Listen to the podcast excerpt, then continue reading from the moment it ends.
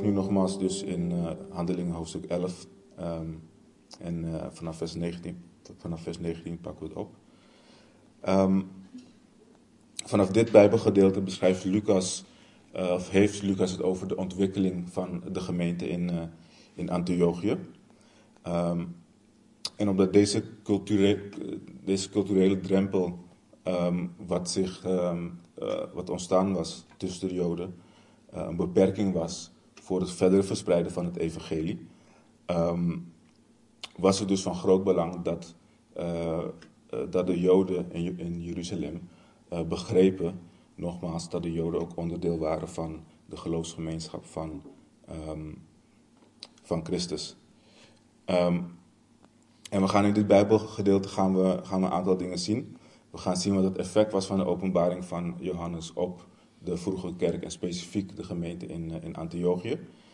Um, we zullen zien dat Paulus weer terugkeert uh, op het toneel in zijn zichtbare bediening. Um, en we gaan uh, zien wat de eensgezindheid van um, deze hele gemeente teweeggebracht in de gemeente in Antiochië en ook in de gemeente in, in Jeruzalem.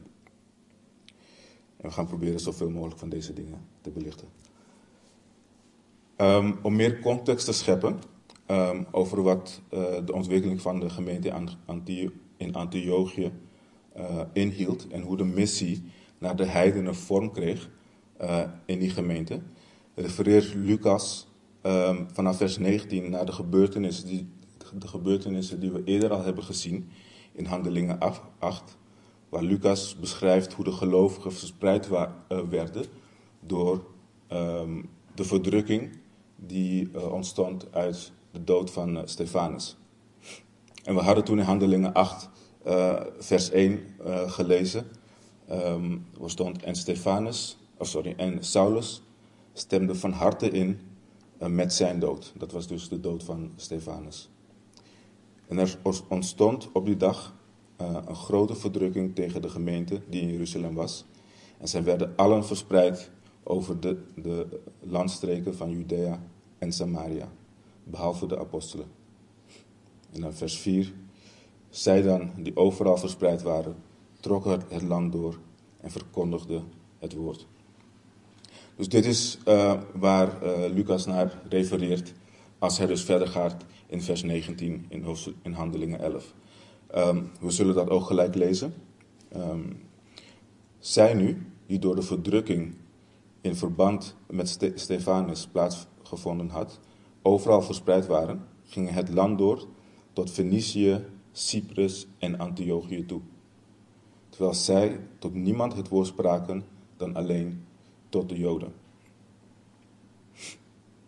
Er waren onder hen echter enkele mannen van Cyprus en Cyrene, die toen zij in Antiochië gekomen waren, het woord richtten tot de Grieks sprekende en de Heer Jezus verkondigden en de hand van de Heer was met hen en een groot aantal geloofden en bekeerden zich tot de Heer, tot de Heer Jezus.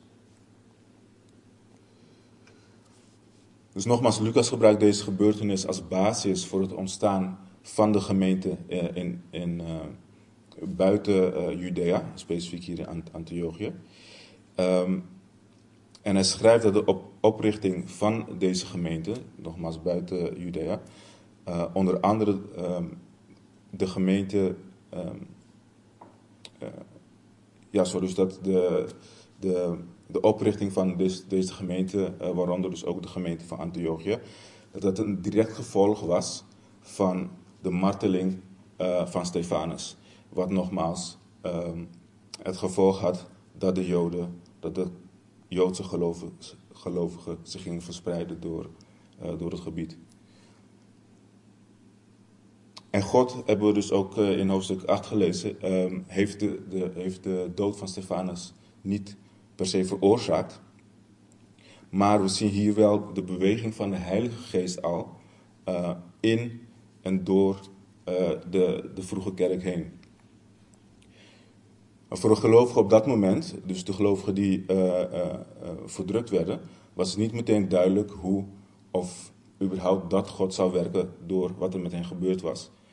Um, net zoals het ook voor ons soms um, onmogelijk is te zien dat God door bepaalde situaties uh, heen werkt. Maar we weten vanuit Gods woord dat God wel degelijk door bepaalde en zeker ook moeilijke situaties heen uh, kan werken. We lezen bijvoorbeeld in Romeinen, hoofdstuk 8, vers 28, het volgende. En we weten dat voor hen die God liefhebben, alle dingen meewerken ten goede voor hen, namelijk die overeenkomstig zijn voornemen geroepen zijn. Romeinen 8, vers 28. Dus de Heilige Geest beweegt soms op, op, op, ja, op, op voor ons onbekende manieren. En het wordt soms wel vergeleken bijvoorbeeld met een rivier, een grote sterke rivier die uit zichzelf maar wil. Maar we zien, ehm, en zeker voor ons als Nederlanders, dat we vaak goed zijn in het bouwen van geestelijke dijken. Omdat we vaak uh, of bang zijn voor uh, hoe de Heilige Geest gaat werken, of dat we er soms misschien zelfs niet eens op vertrouwen dat de Heilige Geest zal werken. En dan bouwen we ons eigen weg en dan zeggen we eigenlijk, Heere, stroom door deze weg die ik zelf heb gebouwd en zegen dus het werk wat ik heb gedaan. Maar weten dat God niet op deze manier werkt. En buiten dat, God, God, heeft ons niet nodig om een opzetje voor hem te maken. Om zijn werk te voltrekken hier op aarde. En als de gebeurtenissen, handelingen ons iets duidelijk maken, dan is het dat God iedere situatie kan en ook gebruikt uh, om zijn doel uiteindelijk te bereiken. Nogmaals, God heeft, heeft uh, de, de, dood van Stefanus niet veroorzaakt. Maar hij heeft de verdrukking die daaruit volgde, op dus de dood van Stefanus, wel gebruikt om de discipelen daar in Judea, Jeruzalem, te mobiliseren en het evangelie van Jezus Christus op die manier door de oude wereld heen te verspreiden. En ik zeg niet dat iedere slechte situatie of dat überhaupt slechte situaties gecreëerd worden door God. Maar hoe meer we leren, hoe meer we lezen, hoe meer we God leren kennen, hoe meer we vertrouwen krijgen in Hem en ook in iedere situatie waarin we ons bevinden, dat Hij, um, dat hij daar overzicht over heeft. We lezen in Psalm 9 um, vanaf vers 10 en vers, vers 11. De Heere is een veilige vestiging voor de verdrukte. Een veilige vestiging in tijden van benauwdheid. Wie uw naam kennen, zullen op u vertrouwen, omdat u, Heere, niet hebt uh, verlaten wie u zoeken. We lezen, dat was Psalm 9, vers 10, vers 11. We lezen in 2 Korinthe, vers 4, sorry, hoofdstuk 4, vers 8 en 9, waar Paulus schrijft: Wij worden in alles verdrukt, maar niet in het nauw gebracht. We zijn in twijfel, maar niet twijfelachtig. We worden vervolgd, maar niet verlaten. Neergeworpen, maar niet ter gronde gericht. 2 Korinthe 4, vers 8 en 9. Ik heb trouwens uh, vorige week gelogen. Ik zei dat ik deze week slides zou hebben. En die heb ik niet. Dus excuses daarvoor. ik hoop dat jullie me vergeven. Um, de discipelen die door uh, verdrukking moesten vluchten, uh, ervaarden ook deze aanwezigheid van de Heilige Geest en hadden deze zekerheid van God. En we zien dus dat ze het werk wat ze in Jeruzalem deden voortzetten op de plekken waar ze, waar ze naartoe gingen. En het volgende wat, wat, wat, wat opvalt, um, is dat uh, enkele van deze onbekende discipelen, dat het enkele van deze on, onbekende discipelen waren, uh, die op dat moment uh, de overtuiging kregen om te getuigen richting de ongelovigen, richting de heidenen. En zonder afbreuk te doen aan het werk van uh, onder andere Filippus en, en Petrus, ook in deze hoofdstuk weer, benadrukt Lucas toch wel de rol van de anonieme gelovigen die een grote rol spelen in het verspreiden van het evangelie. En waarom is het soms uh, belangrijk of waarom is het soms goed om op te merken ehm, dat uh, God ook op deze manier werkt. Dat God ook door andere mensen buiten de apostelen of buiten degenen die prominent aanwezig zijn in de Bijbel uh, heen werkt. Want het kan namelijk gebeuren dat, dat iemand, om wat voor reden dan ook, uh, op een voetstuk wordt, wordt, geplaatst. En meestal, als het gebeurt, is dat omdat mensen, uh, omdat we horen van de grote en mooie dingen die God in het leven van bepaalde mensen doet. De apostelen uh, hadden dit bijvoorbeeld ook meegemaakt. Af en toe, als ze ergens, ergens kwamen, dan waren mensen geneigd om ze te aanbidden vanwege het, het werk wat God door hen aan het doen was. Dan zou het niet zo snel zijn dat wij uh, hier mensen gaan aanbidden, tenminste dat hoop ik niet. Maar het kan wel gebeuren uh, dat er een idee ontstaat uh, dat God alleen door die persoon of door dat type persoon heen werkt vanwege hoe een bepaalde persoon is. Of vanwege een bepaalde prominente rol die een persoon binnen de gemeente of, of wat dan ook heeft. Maar als we lezen dat Lucas vertelt hoe deze, um, nogmaals onbekende discipelen, reageren op de aansporing, weliswaar vanuit verdrukking vanuit de, uh, van, verdrukking vanuit de Joden, um, maar ze reageren op de aansporing vanuit de Heilige Geest. Um, en hoe ze dan hoe het arbeid wat ze dan verrichten gezegend wordt uh, door God. Want we lezen, de hand van God was met hen. Dan herinneren deze, dit, soort dingen ons eraan. Dat het bij God, dat bij God iedereen gelijk is. Um, we weten dat God geen aanzien der persoons heeft. We lezen in Romeinen 2, vers 9. Um, vanaf vers 9 lezen we. Maar heerlijkheid en eer en vrede komen over een ieder, dat wil zeggen iedereen, die het goede werk eerst over, uh, ja, sorry, um, maar heerlijkheid en eer en vrede komen over ieder die het goede werkt, eerst over de Jood en ook over de Griek. Want er is geen aanzien der persoons bij God. Romeinen 2, vers 9 um, tot en met 11.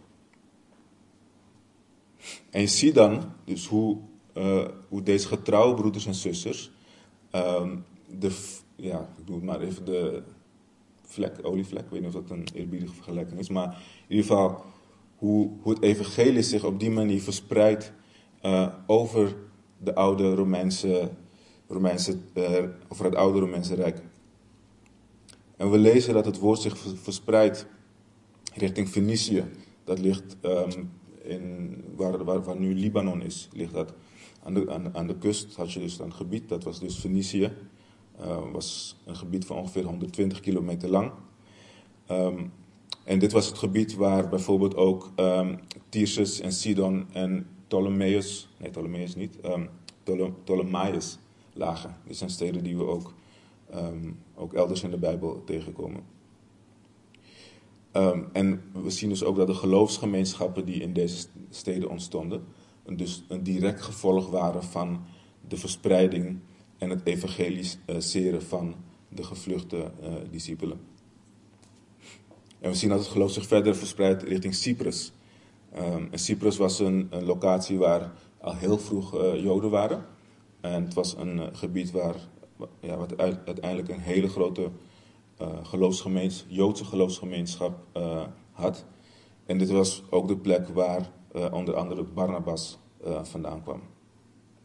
En vanuit daar zien we dat het geloof zich uiteindelijk verspreidde richting Antiochië. Um, nogmaals, dat ligt dus in Syrië. En dat ligt um, ten noorden van Fenicië ligt dat. En dat ligt ongeveer 100, 480 kilometer uh, bij Jeruzalem, vandaan. Dus voor de beelddenker onder ons heb je een beetje idee van hoe het evangelie zich, zich verspreidde. En aanvankelijk was het zo dus dat uh, deze, deze gelovigen alleen evangeliseren richting hun mede-Joodse broeders en zusters. Vanwege natuurlijk eerder genoemde redenen. Maar later zien we dat Joodse, Joodse, christenen uit um, Cyprus en uit Cyrene, Cyrene lag dan aan de noordkust van Afrika, waar nu Libië is.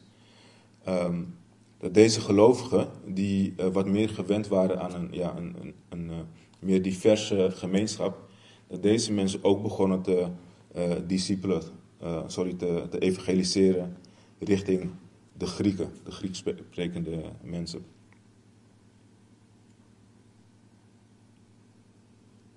En als we dan kijken verder vanaf vers 22 in Handelingen, lezen we: En het gerucht over hen um, kwam de gemeente in Jeruzalem ten oren. En zij zonden Barnabas uit om het land door te gaan tot Antiochië toe. En toen hij daar gekomen was en de genade van God, God zag, werd hij verblijd en spoorde hij hen allen aan om met een hartelijke voornemen bij de Heer te blijven. Want hij was een goed man, vol van de Heilige Geest, van geloof uh, en van geloof. En er werd een grote menigte aan de Heer toegevoegd. Het duurde niet heel lang voordat uh, de kerk in Jeruzalem um, te horen kreeg over uh, het werk wat de, de, gevluchte discipelen aan het doen waren elders in het Romeinse Rijk. Um, en ze horen dus ook hier weer dat niet-Joodse mensen zich eh, bekeerden in Antiochië. En ze besloten hierdoor een delegatie te sturen naar, naar Antiochië. Uh, waarschijnlijk gingen ze ook eerst al die andere steden gingen ze, ze langs. Um, maar ze stuurden dus een, een, een delegatie naar, naar Antiochië om de situatie te bekijken. Um, en hetzelfde deden ze al eerder, wat we hebben gelezen, ook in Handelingen hoofdstuk 8, um, bij de gemeente in Samaria. En het kan zijn dat sommige Joden in Jeruzalem nog niet helemaal uh, overtuigd waren van, van uh, het hele gebeuren met de, met de heidenen. Het kan zijn dat ze zich zorg, zorgen maken dat de omvang van de ongelovigen die nu het christendom, christelijk jodendom binnen waren gedrongen, dat het hun Joodse tradities zouden aanpassen. Um, want we weten dat deze kwestie nog niet helemaal was, opgelost. We zullen dat later ook zien in, in hoofdstuk 15. Ehm, en nogmaals, het nieuws van Petrus um, zal niet heel lang, uh, heel lang geleden bij hen zijn doorgedrongen. Um, en nogmaals, de vrees kon ontstaan dat, uh, ja, dat een te grote heidense groep een cultuurshock zou zijn voor de Joodse gemeente.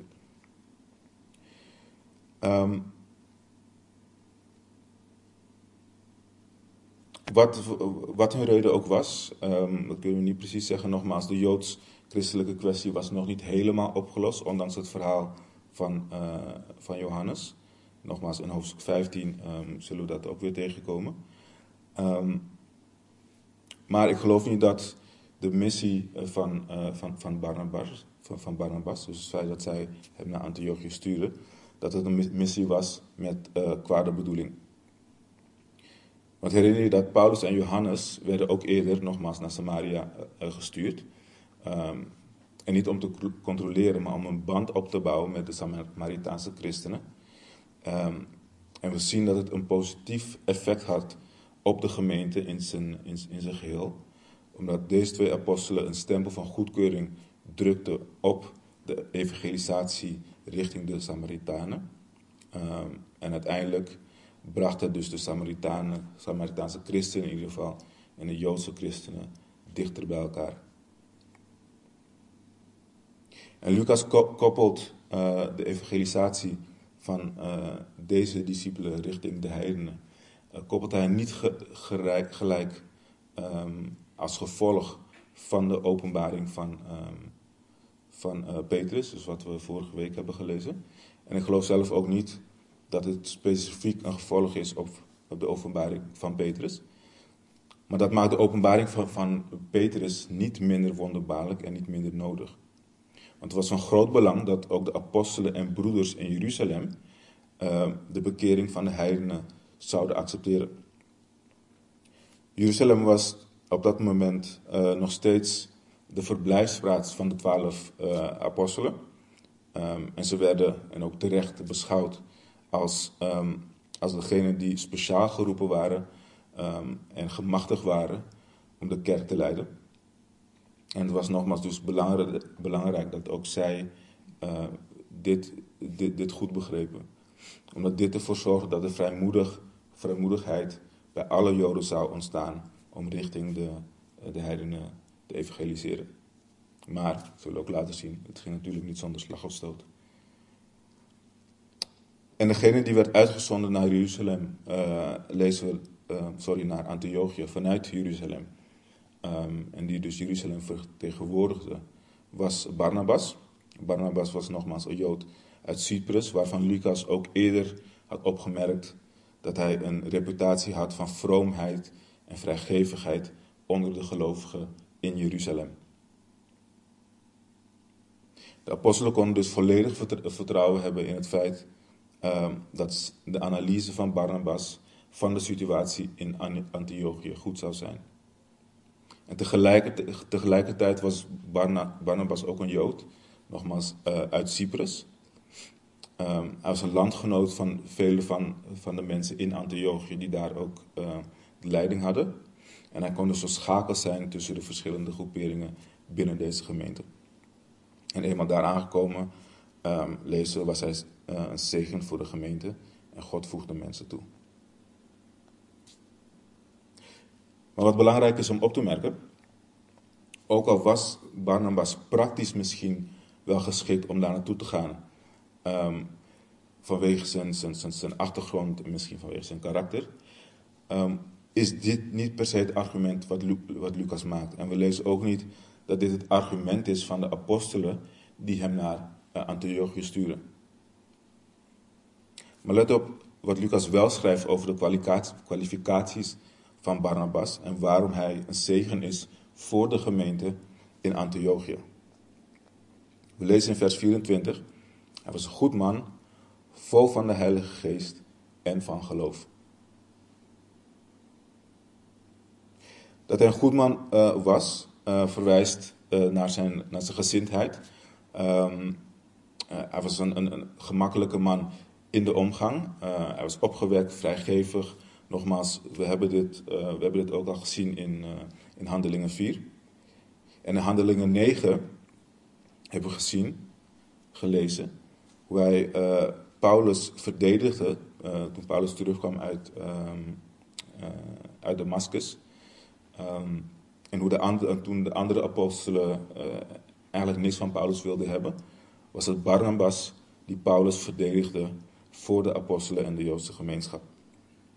Hij was dus een man zonder een verharde geest en hij was bereid om zich door de Heer te laten leiden. En ook de Heer te zoeken in, uh, in iedere situatie. En dan lezen we dat hij uh, vol van de geest was. En dit is natuurlijk uh, de belangrijkste kwalificatie. Want door het feit dat Barnabas um, vervuld was van de Heilige Geest, was hij iemand aan wie uh, voortdurend de wijsheid en de begrip en de liefde vanuit God werd, bij, werd bijgebracht. Want vervuld zijn van de Heilige Geest betekent dat de vruchten van de Geest duidelijk waren in het leven van Barnabas. En dat was dus de reden van, van het karakter wat hij had. Hij was vervuld nogmaals van liefde, van vreugde, geduld, zachtmoedigheid. En hij leefde zo niet, uh, niet op grond van zijn eigen goede karakter. Maar zijn karakter was het, uh, was het gevolg, zijn karakter was zo goed, omdat hij putte uit de kracht van de Heilige Geest die in hem was. En dan zien we dat hij man was van geloof. En dit betekende dat hij handelde naar wat God, naar wat God zei. Hij handelde niet op basis van zijn uh, gevoelens. Uh, hij handelde op basis, nogmaals, van wat God zei. En een man van geloof of een vrouw van geloof is iemand die gewoon gelooft in wat God zegt. En verwacht ook van God dat hij degene is die handelt in iedere situatie waar hij of zij zich in bevindt. Er is tegenwoordig een, een, een vals idee uh, van geloof uh, uh, bedacht en eh, ook in sommige kringen populair geworden. Er zijn mensen die denken dat ze alleen met geloof vervuld zijn als ze een enorm gevoel van uh, verwachting of een enorm gevoel van opwinding of wat dan ook in zich hebben. En als ze dat gevoel niet hebben, dan zeggen ze, dan denken ze of dan leren ze um, anderen dat je geen geloof hebt. Ze maken hunzelf wijs dat ze daardoor geen geloof hebben. Maar dit is een teken van dat men niet begrijpt wat geloof is. Want nogmaals, geloof is geen gevoel. Geloof heeft niets te maken met gevoel. Geloof is simpelweg erkenning dat God iets heeft beloofd en het vervolgens van Hem verwacht dat Hij het gaat doen en op basis daarvan handelen we. Dat is wat een man of vrouw van geloof doet. Het Griekse woord wat vertaald wordt um, um, uh, naar onze Nederlandse taal, uh, in onze Nederlandse taal voor geloof, in het Engels is dat faith, betekent hopen op iets waarvan je zeker bent dat het gaat gebeuren. Het is dus geen valse hoop, het is geen blinde hoop. Het is geen hoop gebaseerd op emoties of wat dan ook. We hebben de zekerheid van het geloof, we hebben de zekerheid van Gods woord. En we hebben de bevestiging en de zegel in het onderpand van de Heilige Geest als bevestiging van deze belofte. We lezen Efeze 1, dat hebben we de woensdag al behandeld, vers 13 en 14. In hem bent ook u, nadat u het woord van de waarheid, namelijk het evangelie van uw zaligheid gehoord hebt. In hem bent u ook, toen u, uh, toen u tot geloof kwam, verzegeld met de Heilige Geest van de belofte, die het onderpand is van onze erfenis, tot de verlossing die ons ten deel viel, tot lof van zijn heerlijkheid. Nogmaals, we hebben de zekerheid van geloof. Geloof is niet iets wat we, wat we hebben op basis van momenten. Geloof is niet iets wat onzichtbaar is. Nogmaals, geloof is verwachten van iets waarvan we zeker zijn dat we dat zullen ontvangen. En wat zien we meer uit het gedeelte? We hebben het vaker over gehad. Het aanstellen van iemand om iets te doen binnen de gemeente, binnen het lichaam van Christus, niet bepaald wordt door persoonlijkheid, achtergrond, talenten of wat dan ook. De enige kwalificatie, dat zien we hier ook bij Barnabas, is de geestelijke kwalificatie. Dus Barnabas was daar in Antiochië en hij was een zegen in de gemeente vanwege zijn gehoorzaamheid aan God, waardoor hij vrucht kon dragen voor de gemeente die daar was.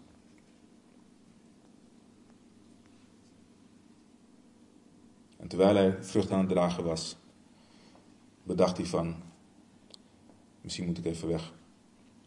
We lezen, daarna vertrok hij, hij, dat is Barnabas, naar Tarsus, de stad, in eh, is een stad in de provincie uh, Sicilië, uh, Sicilië, uh, Cilicië, sorry.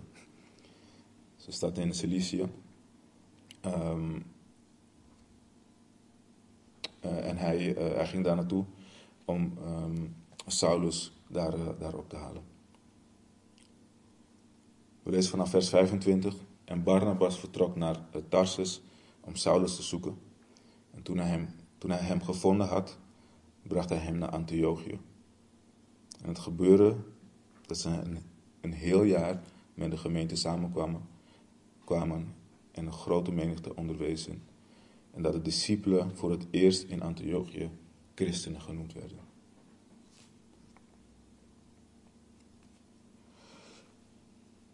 Dus nogmaals, we zien hier hoe uh, um, Barnabas vertrekt naar uh, Tarsus om Paulus op te halen. Um, Tarsus lag niet heel ver van, um, van Antiochië.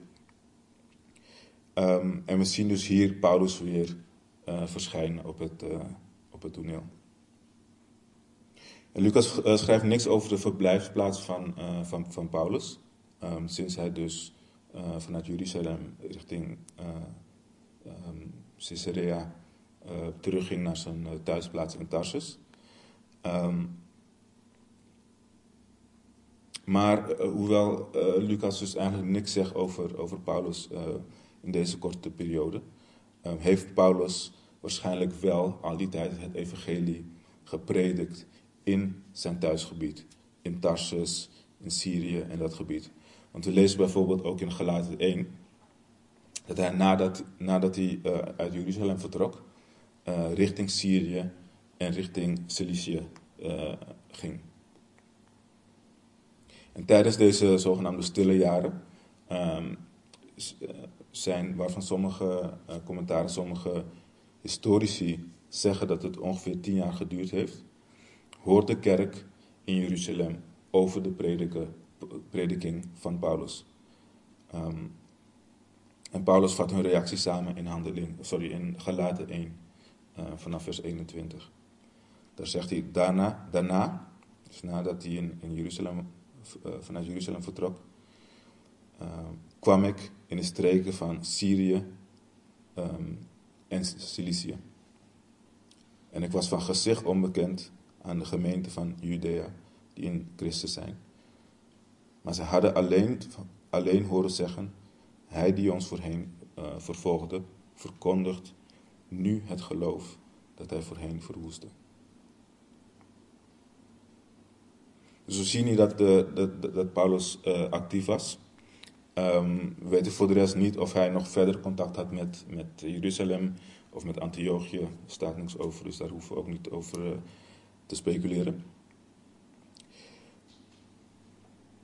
Maar terug naar de tekst. We zien wel dat de omvang van uh, de bediening van Barnabas zich dusdanig uitbreidde dat hij het, nodig vond uh, om een medearbeider naast zich te hebben om het werk te doen. En Barnabas was ervan overtuigd dat Paulus degene was, dat Paulus de perfecte keuze was om naast hem in Antiochië uh, uh, te dienen en te helpen met de evangelisering daar. Ze gaat naar, naar, naar, Tarsus, zoekt uh, Paulus, vindt hem en deze twee keren terug naar Antiochië en geven ruim een jaar lang onderwijs aan een grote gemeente daar. En dit alles resulteerde nogmaals uh, in dat de gemeente toenam in, in, in aantallen.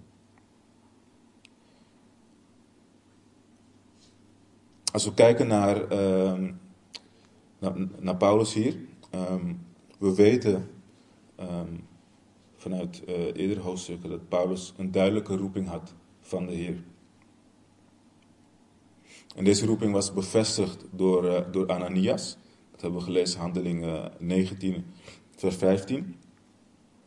En ook in Handelingen 22, vers 15. Um, ehm, weten we dat deze roeping bevestigd is. We lezen Handelingen 22, vers 15. Want u zult, u zult zijn getuige zijn en uh, alle mensen vertellen wat u, wat u hebt gezien en gehoord. En we lezen dat uh, God de, de, de roeping van, van Paulus ook bevestigd had aan hem. In Handelingen 22, vers 21 lezen we: De Heere zei: Ga nu, ik zal u ver weg sturen naar vreemde volken. Dus nogmaals, Paulus had een grote roeping. Maar na hoofdstuk 9 horen eigenlijk niks meer van Paulus, tot, tot, nu dan. En minimaal tien jaar lang zat hij dus in, de, in hetzelfde gebied, onder dezelfde mensen, en moest hij dus wachten tot zijn roeping in vervulling zou gaan. En tegenwoordig zijn er ook mensen die uh, beweren uh, een, een, roeping te hebben ontvangen van de Heer. Um, en ze daar, daarmee ook gelijk dat ze nu op een punt zijn dat God met ze aan, aan, het werk is uh, om deze roeping uiteindelijk um, te vervullen. En ze zijn nu dus aan het wachten tot het punt dat God ze de volgende stap duidelijk maakt. En daarbij uh, maken ze een argument en halen ze dit verhaal van Paulus aan, um, waarbij Paulus ook in ieder geval tien jaar moest wachten op uh, God voordat zijn evangelie, sorry, voordat zijn roeping in werk zou gaan. En ik ga hier niet zeggen of iemand wel of niet geen roeping heeft ontvangen. Um, ik ga daar niet over, dat is tussen jou en tussen God. Maar iemands houding kan wel, daar kun je wel het een en ander aan, aan aflezen. Want de houding die sommigen uh, vervolgens hebben, of die sommige mensen aannemen wanneer ze dit zeggen, is een houding van afwachtendheid. Nogmaals, ze wachten totdat God hun roeping gaat, gaat vervullen. En meestal gaat het gekoppeld met een, ja, een soort valse geestelijke houding. En dan eh, kan je. De, argumenten die ze, uh, die vaak maken zijn, zijn dingen als: um, Ik ben nog niet klaar om iets te doen um, voor God. Zolang God het niet duidelijk maakt, ga ik nog niks doen. Of ik wil God niet voor de voeten lopen. Um, of veel mensen zeggen: Ik weet wat God van wil, maar er moeten eerst nog dingen opgeruimd worden voordat ik echt iets kan gaan doen. En nogmaals, Paulus was in deze, in deze tijd. Uh, uh, sorry, wat, wat Paulus in deze tussentijd heeft gedaan is niet precies duidelijk. Um, daar schrijft Lucas niet over. Uh, hij vroeg zich misschien zelf ook af uh, wat er was gebeurd met die ja, geweldige, dramatische oproep en openbaring die hij heeft gekregen. Maar wat hij ook gedaan heeft, één ding is wel zeker. Hij heeft zich continu bezig gehouden met het arbeiden voor de Heer. Hij was niet passief, hij was niet aan het afwachten op de volgende stem uit de hemel. Hij was actief bezig met de dingen van de Heer. En hoe weet u dat? Nou, één, omdat wat hij zelf heeft verteld in Galaten 1. En de, en de berichten die de broeders en zusters in Jeruzalem hoorden over hem. Dat hij het woord en het geloof van Christus bekend maakte bij de, bij de mensen. En twee, Barnabas haalt Paulus op om samen met hem de gemeente in Antiochië te onderwijzen. En dit kan alleen als Paulus de kennis van het woord uh, op orde heeft en dat zijn leven een goed getuigenis was van zijn, uh, uh, van zijn, zijn als christen. En Paulus zal later zelf ook aan, aan Titus en Timotheus schrijven. Um, wat het belang is, of waar je een opziener van een gemeente of een diaken um, zou moeten herkennen. Waar hij aan zou moeten voldoen.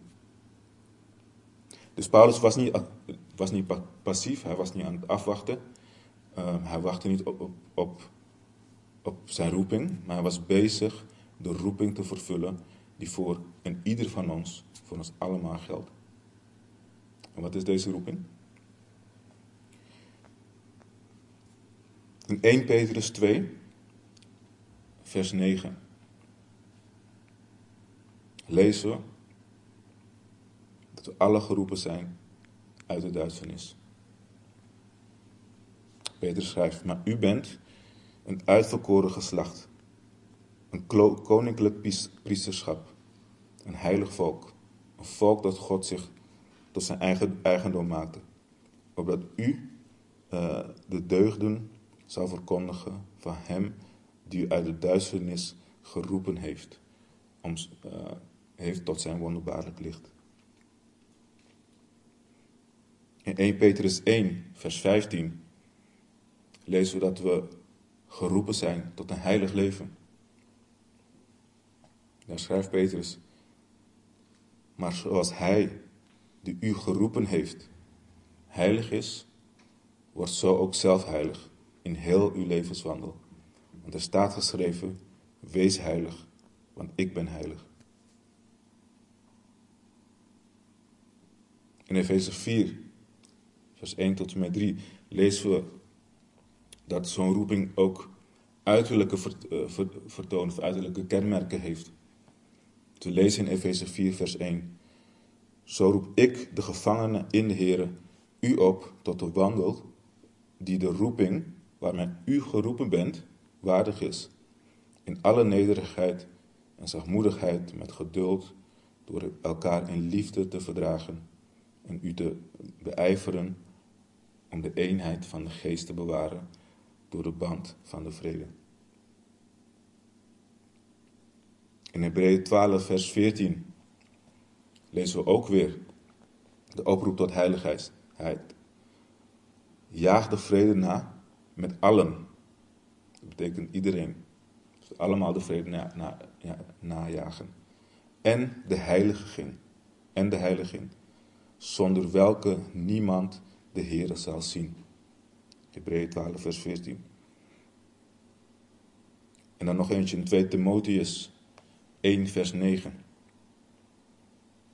Lezen, Hij heeft ons zalig gemaakt en geroepen met een heilige roeping. Niet overeenkomstig onze eigen werken, maar overeenkomstig zijn eigen voornemen en genade, die ons gegeven is in Christus Jezus voor de tijd der eeuw. 2 Timotheus 1, vers 9. Dus als we het over roeping hebben, moeten we het altijd eerst hebben over dit specifiek onderdeel. Dit is de roeping die we met z'n allen hebben, namelijk om, een heilig leven te leiden. En daaraan, daaraan gekoppeld, vervolgens zijn natuurlijk de opdrachten die we hebben ontvangen van de Heer, waaronder de bekende ga heen en maak discipelen. En de vraag die we onszelf dus moeten stellen, voordat we bezig, bezig zijn met allerlei andere zaken, is deze. Ben ik bezig met de roeping waarvan ik weet dat God mij en ons allen geroepen heeft om die te vervullen? Zoek ik de Heer echt dagelijks om een heilig leven te kunnen leiden?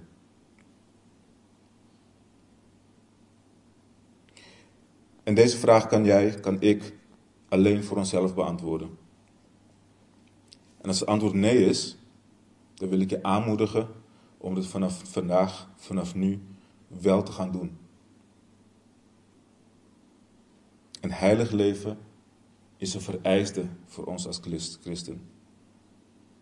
Zonder vrede en heiliging zal niemand de Heer zien, hebben we net gelezen. Dus keer je tot Hem en laat Hij je leven leiden. Leg je leven in Zijn hand. En de volgende vraag dan is: ben ik bezig met de opdrachten waarvan ik weet dat ik en wij alle die gekregen hebben uit te voeren? Of draag ik daaraan bij? En dan kan je misschien gelijk gaan denken van ja, maar ik ken niet zoveel mensen om te discipelen. Ik ben een huisvrouw of een man die zonder werk thuis zit. Dus ik heb niet zoveel mensen om me heen. En de mensen die ik wel ken, die geloven niet, of geloven al, of ze willen niet geloven. Ik heb dat vaak geprobeerd.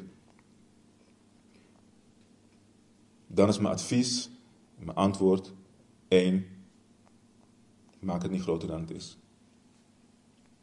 Twee, kijk naast je.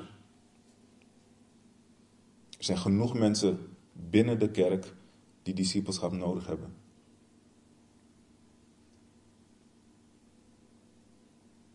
Zijn broeders, zusters, jongeren in de kerk die discipelschap nodig hebben. Er lopen regelmatig nieuwe mensen de kerk binnen.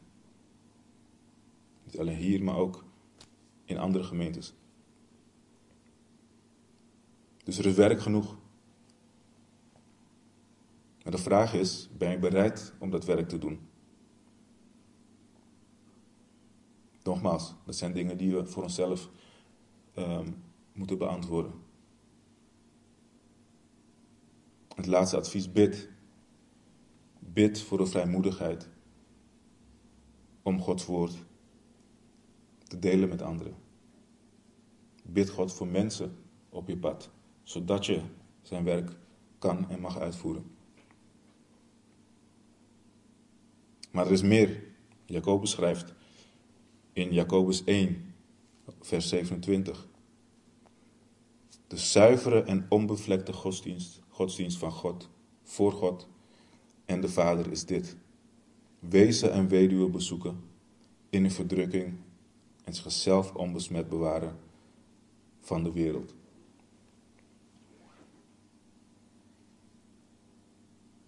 Nogmaals, broeders en zusters, er is genoeg te doen.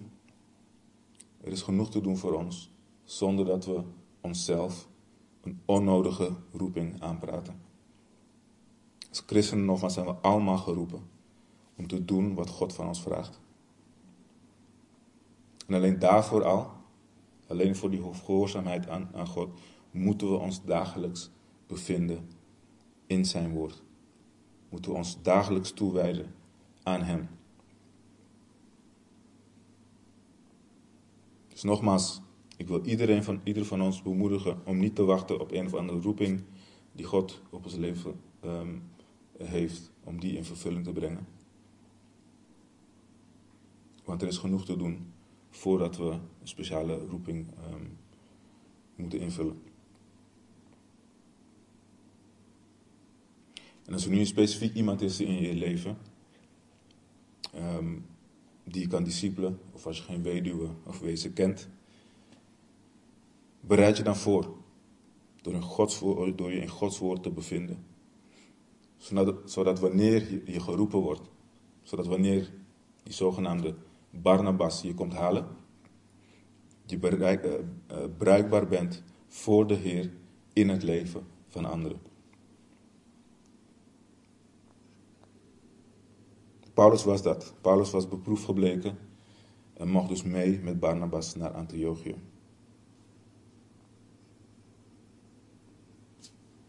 We lezen ook in vers 26, nogmaals, er gebeurde dat zij een heel, uh, dat zij een heel jaar met de gemeente samenkwamen kwamen, uh, en een grote menigte onderwezen. En dat de discipelen voor het eerst in Antiochië christenen genoemd werden. Tot nu toe werden de volgelingen van Christus uh, discipelen genoemd. Um, dat betekent, zoals velen van ons vast al weten, leerling of geleerde. Maar vanaf dit moment, vanaf deze tijd, um, worden de christenen uh, christenen genoemd. En het begint allemaal in Antiochië. De betekenis van deze naam is niet uh, leerling, maar volgeling van Christus. En het wijst op iemand um, die vanuit een serieuze gedachte de, de religie van Christus omarmt, zijn belofte gelooft en het tot zijn voornaamste zorg maakt zijn leven vorm te geven door de voorschriften en het voorbeeld van Christus. Dat is wat christen betekent. In het Grieks uh, is het woord uh, Christianoi. Um, en dit was een, een, een benaming die vaak op een minachtende of spottende manier uh, aan, aan mensen werd gegeven om een volgeling van een bepaalde groep te identificeren. Um, en dat deden ze niet alleen bij christenen, maar deden ze ook bij andere uh, groeperingen. Je had bijvoorbeeld de mensen die uh, Herodes uh, navolgden, die werden Herodianoi genoemd. Had mensen die Caesar navolgden, die werden um, Caesariani genoemd.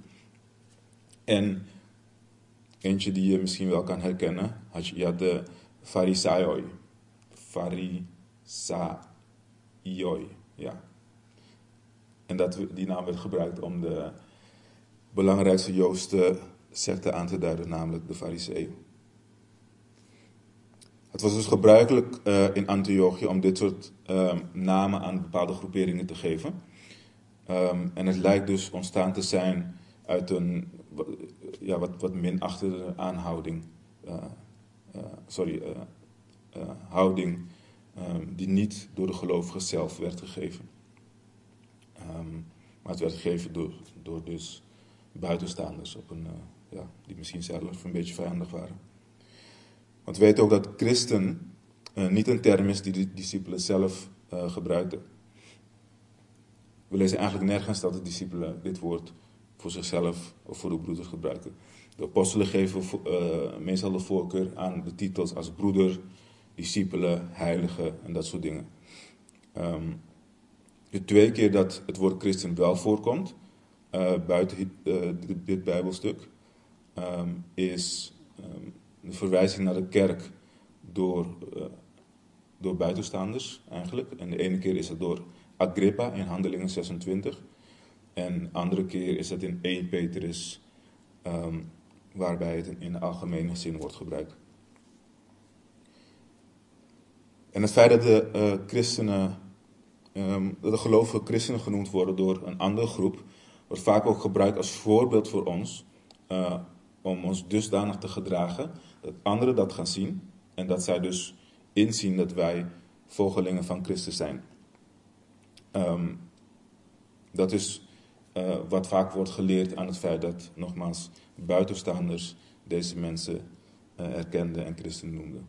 En om die redenen zijn veel christenen ook trots op deze naam, christen. Maar nogmaals, uh, zo simpel is het niet, want de geschiedenis nogmaals lijkt uit te wijzen dat het, een, een dat het geen positieve benaming was die de christenen um, hadden.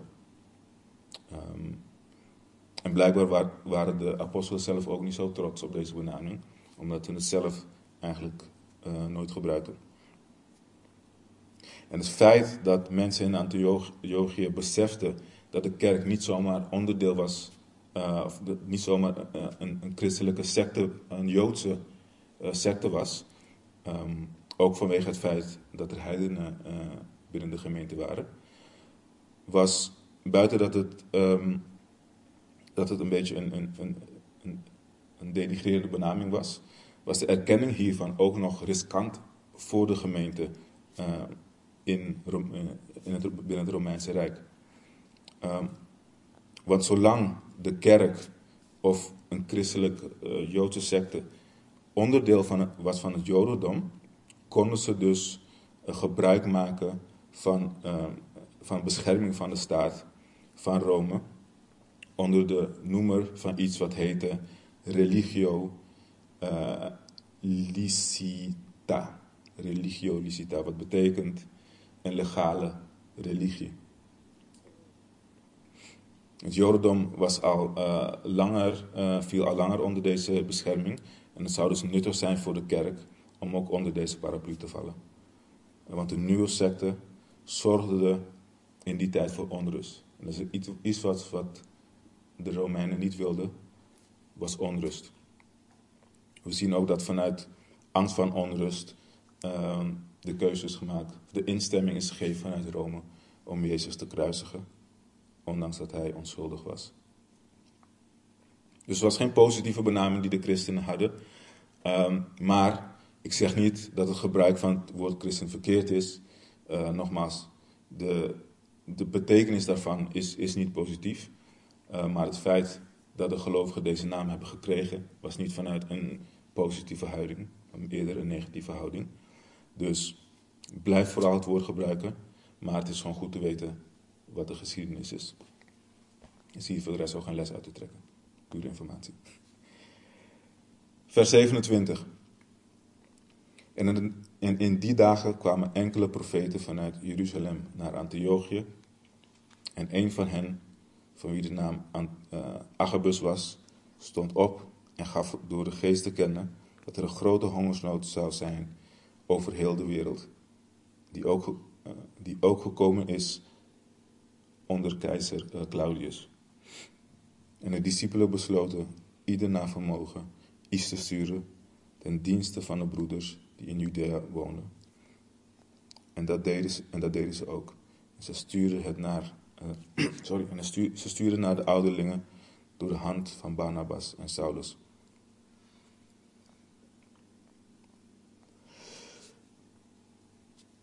Lucas breekt zijn verslag van de missie van de kerk van Antiochië af om te vertellen over enkele kerkprofeten die uit Jeruzalem gekomen waren.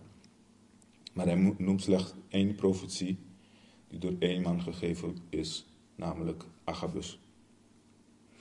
En eh, profeten waren in die tijd um, normaal en ook belangrijk voor, de, voor de kerk. in handelingen komen verschillende plekken profeten tegen, of worden profeten benoemd. Paulus noemt profeten ook als behoren tot de door God ingestelde functies binnen de kerk. Um, we zullen hier tijdens onze woensdagstudie in Efeze hoofdstuk 4 uh, wat verder op ingaan. Maar profeten in het Oude Testament hadden een dubbele functie. En namelijk het voorspellen, uh, het, het, het voorspellen en het voortvertellen van het woord van God. Agabus stond blijkbaar bekend als, uh, als een profeet die voorspellingen deed. Want in Handelingen 21, zullen we later ook zien, voorspelt hij ook dat Paulus zou worden opgepakt als hij naar Jeruzalem zou gaan. Paulus luistert niet en hij wordt dus inderdaad opgepakt. En in Antiochië profeteerde Agabus dus uh, door de geest dat er een ernstige hongersnood um, zou, uh, zou komen over de hele Romeinse wereld. Of we zeggen eigenlijk over de hele wereld. Um, en Lucas vertelt ons dat dit gebeurt, gebeurt tijdens um, de tijd van keizer Claudius. als Lucas uh, hier, spreekt over een hongersnood die uh, door de hele wereld zou verspreiden, dan heeft hij het niet letterlijk over de he hele wereld. Um, maar hij gebruikt, hij gebruikt een woord wat vertaald kan worden als um, het hele Romeinse Rijk. Uh, de hele bewoonde wereld is wat het woord um, specifiek betekent. En vanuit de geschiedenis zien we ook dat er verschillende kleine hongersnoden waren binnen het Romeinse, tijd, binnen het Romeinse Rijk in die tijd. Er was geen hele grote uh, um, uh, hongersnood, maar nogmaals wel kleine hongersnoden. En Agabus kan dus uh, bedoeld hebben dat deze reeks aan, aan hongersnoden, hongersnoden in verschillende delen van het Romeinse Rijk, uh, verschillende tijdstippen, um, effect hadden op het Rijk als geheel. Vandaar dat hij dus zegt uh, een hongersnood in heel het land, of heel de wereld. En we zien dat als gevolg daarvan de discipelen in, in Antiochië een, een hulpfonds uh, organiseren voor de moederkerk in Judea, Jeruzalem. Lucas zegt, um, zoals ieder kon, besloten zij om hulp te bieden aan de broeders en zusters die in Judea woonden. En met deze korte vermelding van een profeet die een hongersnood voorspelt, eindigt Lucas zijn verslag van de ontwikkeling van de kerk in Antiochië. En hij eindigt het met, nogmaals, een noodfonds voor uh, de gemeente in Judea. En het lijkt misschien een hele abrupt, abrupte conclusie. In, ja, goed, een, een heel klein stuk wat hij. Het lijkt alsof hij het op het einde zomaar heeft toegevoegd. Maar het is wel een passende conclusie, want de nieuwe gemeente in Antiochië, die bestond uit heidenen, um, die tot voor kort uh, door de gemeente in Judea ongeschikt werd geacht voor het evangelie. Deze gemeente reageert nu op een genereuze manier op de roeping, de oproep om hulp uit Judea. En zo bewijzen de heidense en um, Hellenistische christenen in Antiochië um, wijzen hun geloof en hun liefde en hun eenheid met het lichaam door de materiële bezittingen te delen met de minder bedeelden. Hoewel het in mindere mate was als wat we eerder hadden gezien in handelingen, toen uh, de gelovigen alles, um, alles verkochten en deelden, geeft het wel aan, wederom, hoe de voortdurende kerkelijke verantwoordelijkheid vorm krijgt om haar armen te helpen. Het mooie van alles is, is, is dit. Daar ga ik mee afsluiten. We hebben in dit hoofdstuk een belangrijk keerpunt in de geschiedenis van de kerk gezien. Namelijk hoe de heidenen in grote getalen uh, bekeerden en onderdeel werden van de, eh, de, de kerkelijke gemeenschap. Maar wat we ook hebben gezien uh, in het relatief korte hoofdstuk is, hoe, is hoe God achter de schermen op ieder gebied binnen de kerk aan het werk is. En hoe mooi het is wanneer hij deze dingen samenbrengt. En hoe de geest van God uh, werkt om eensgezindheid binnen de gemeente, binnen het lichaam van Christus te behouden. Want God heeft de harten van de, van de discipelen die verspreid waren, uh, verspreid werden um, door verdrukking, bewogen om het evangelie te verkondigen richting de heidenen. En tegelijkertijd beweegt God door, uh, door Petrus de gemeente in Jeruzalem om hun harten te verzachten tegenover de heidenen. En deze eensgezindheid um, was alleen mogelijk, niet, niet omdat of niet wanneer iedereen doet wat hij of zij wil. Maar het is alleen mogelijk wanneer we allemaal de Heere onze wegen laten leiden. En we gevoelig en gehoorzaam blijven aan hetgeen wat Hij aan ons vraagt. Want we zien de verzachte harten van de geloofgemeente in Jeruzalem resulteert in het complimenteren van het voorwerk wat door de onbekende discipelen gedaan was. Er werd vervolgens de broeders worden gestuurd naar de gemeente in Antiochië om die gemeente dan weer te versterken. En uiteindelijk is het die gemeente in Antiochië, in Antiochië die gemeente in Jeruzalem weer ondersteunt in moeilijke tijden. En dit zijn dingen die je niet kan verzinnen. Dit is alleen God die aan het werk is. En ik wil ook verder niks verzinnen, dus ik ga het hierbij uh, houden. Amen. Laten we bidden.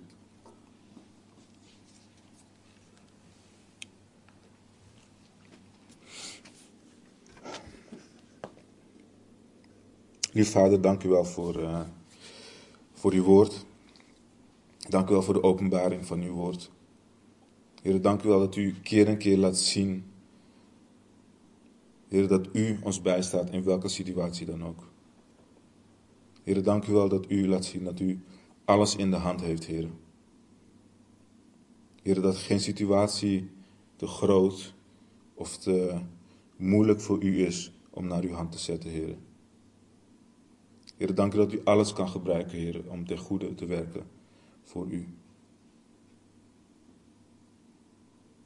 Heer, dank u voor de Heilige Geest die in en door ons heen werkt. Heer, om uw wil uit te voeren hier op aarde. Heer, help ons ook onder leiding van uw Heilige Geest om meer en meer te groeien in heiligheid, zodat we meer en meer gelijkvormig worden, Heer, aan uw Zoon Jezus Christus.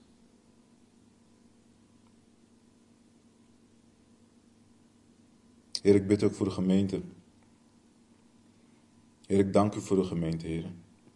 Maar ik bid u dat we als gemeente eensgezind mogen blijven.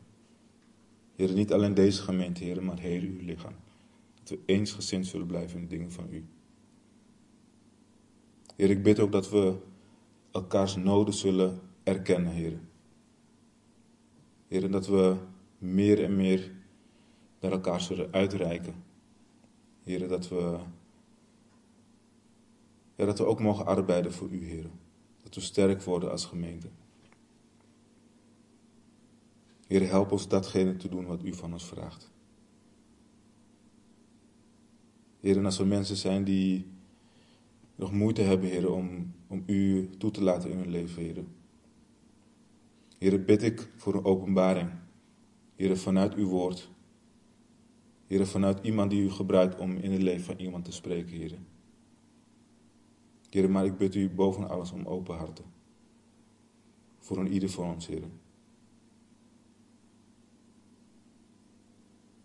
Heer, dank u wel dat u ons uh, zekerheid bent in deze, deze wereld. Heer, dank u wel dat u uw woord heeft bevestigd door middel van uw Heilige Geest, Heer. Heer, ik dank u dat we kinderen van u mogen zijn, Heer. Heer, ik dank u wel dat u ons nooit ons radeloos laat, Heer, in situaties waar het overzicht en misschien helemaal kwijt zijn. Heer, help ons iedere dag, iedere keer weer te herinneren aan het werk wat u gedaan heeft.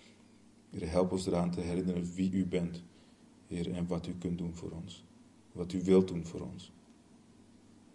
Help ons eraan te herinneren wat u al gedaan heeft, Heer. En dat het werk wat u gedaan heeft eigenlijk al genoeg is, Heer. En dat alles wat u, wat u ons toe doet komen, Heer, dat het puur en alleen genade is.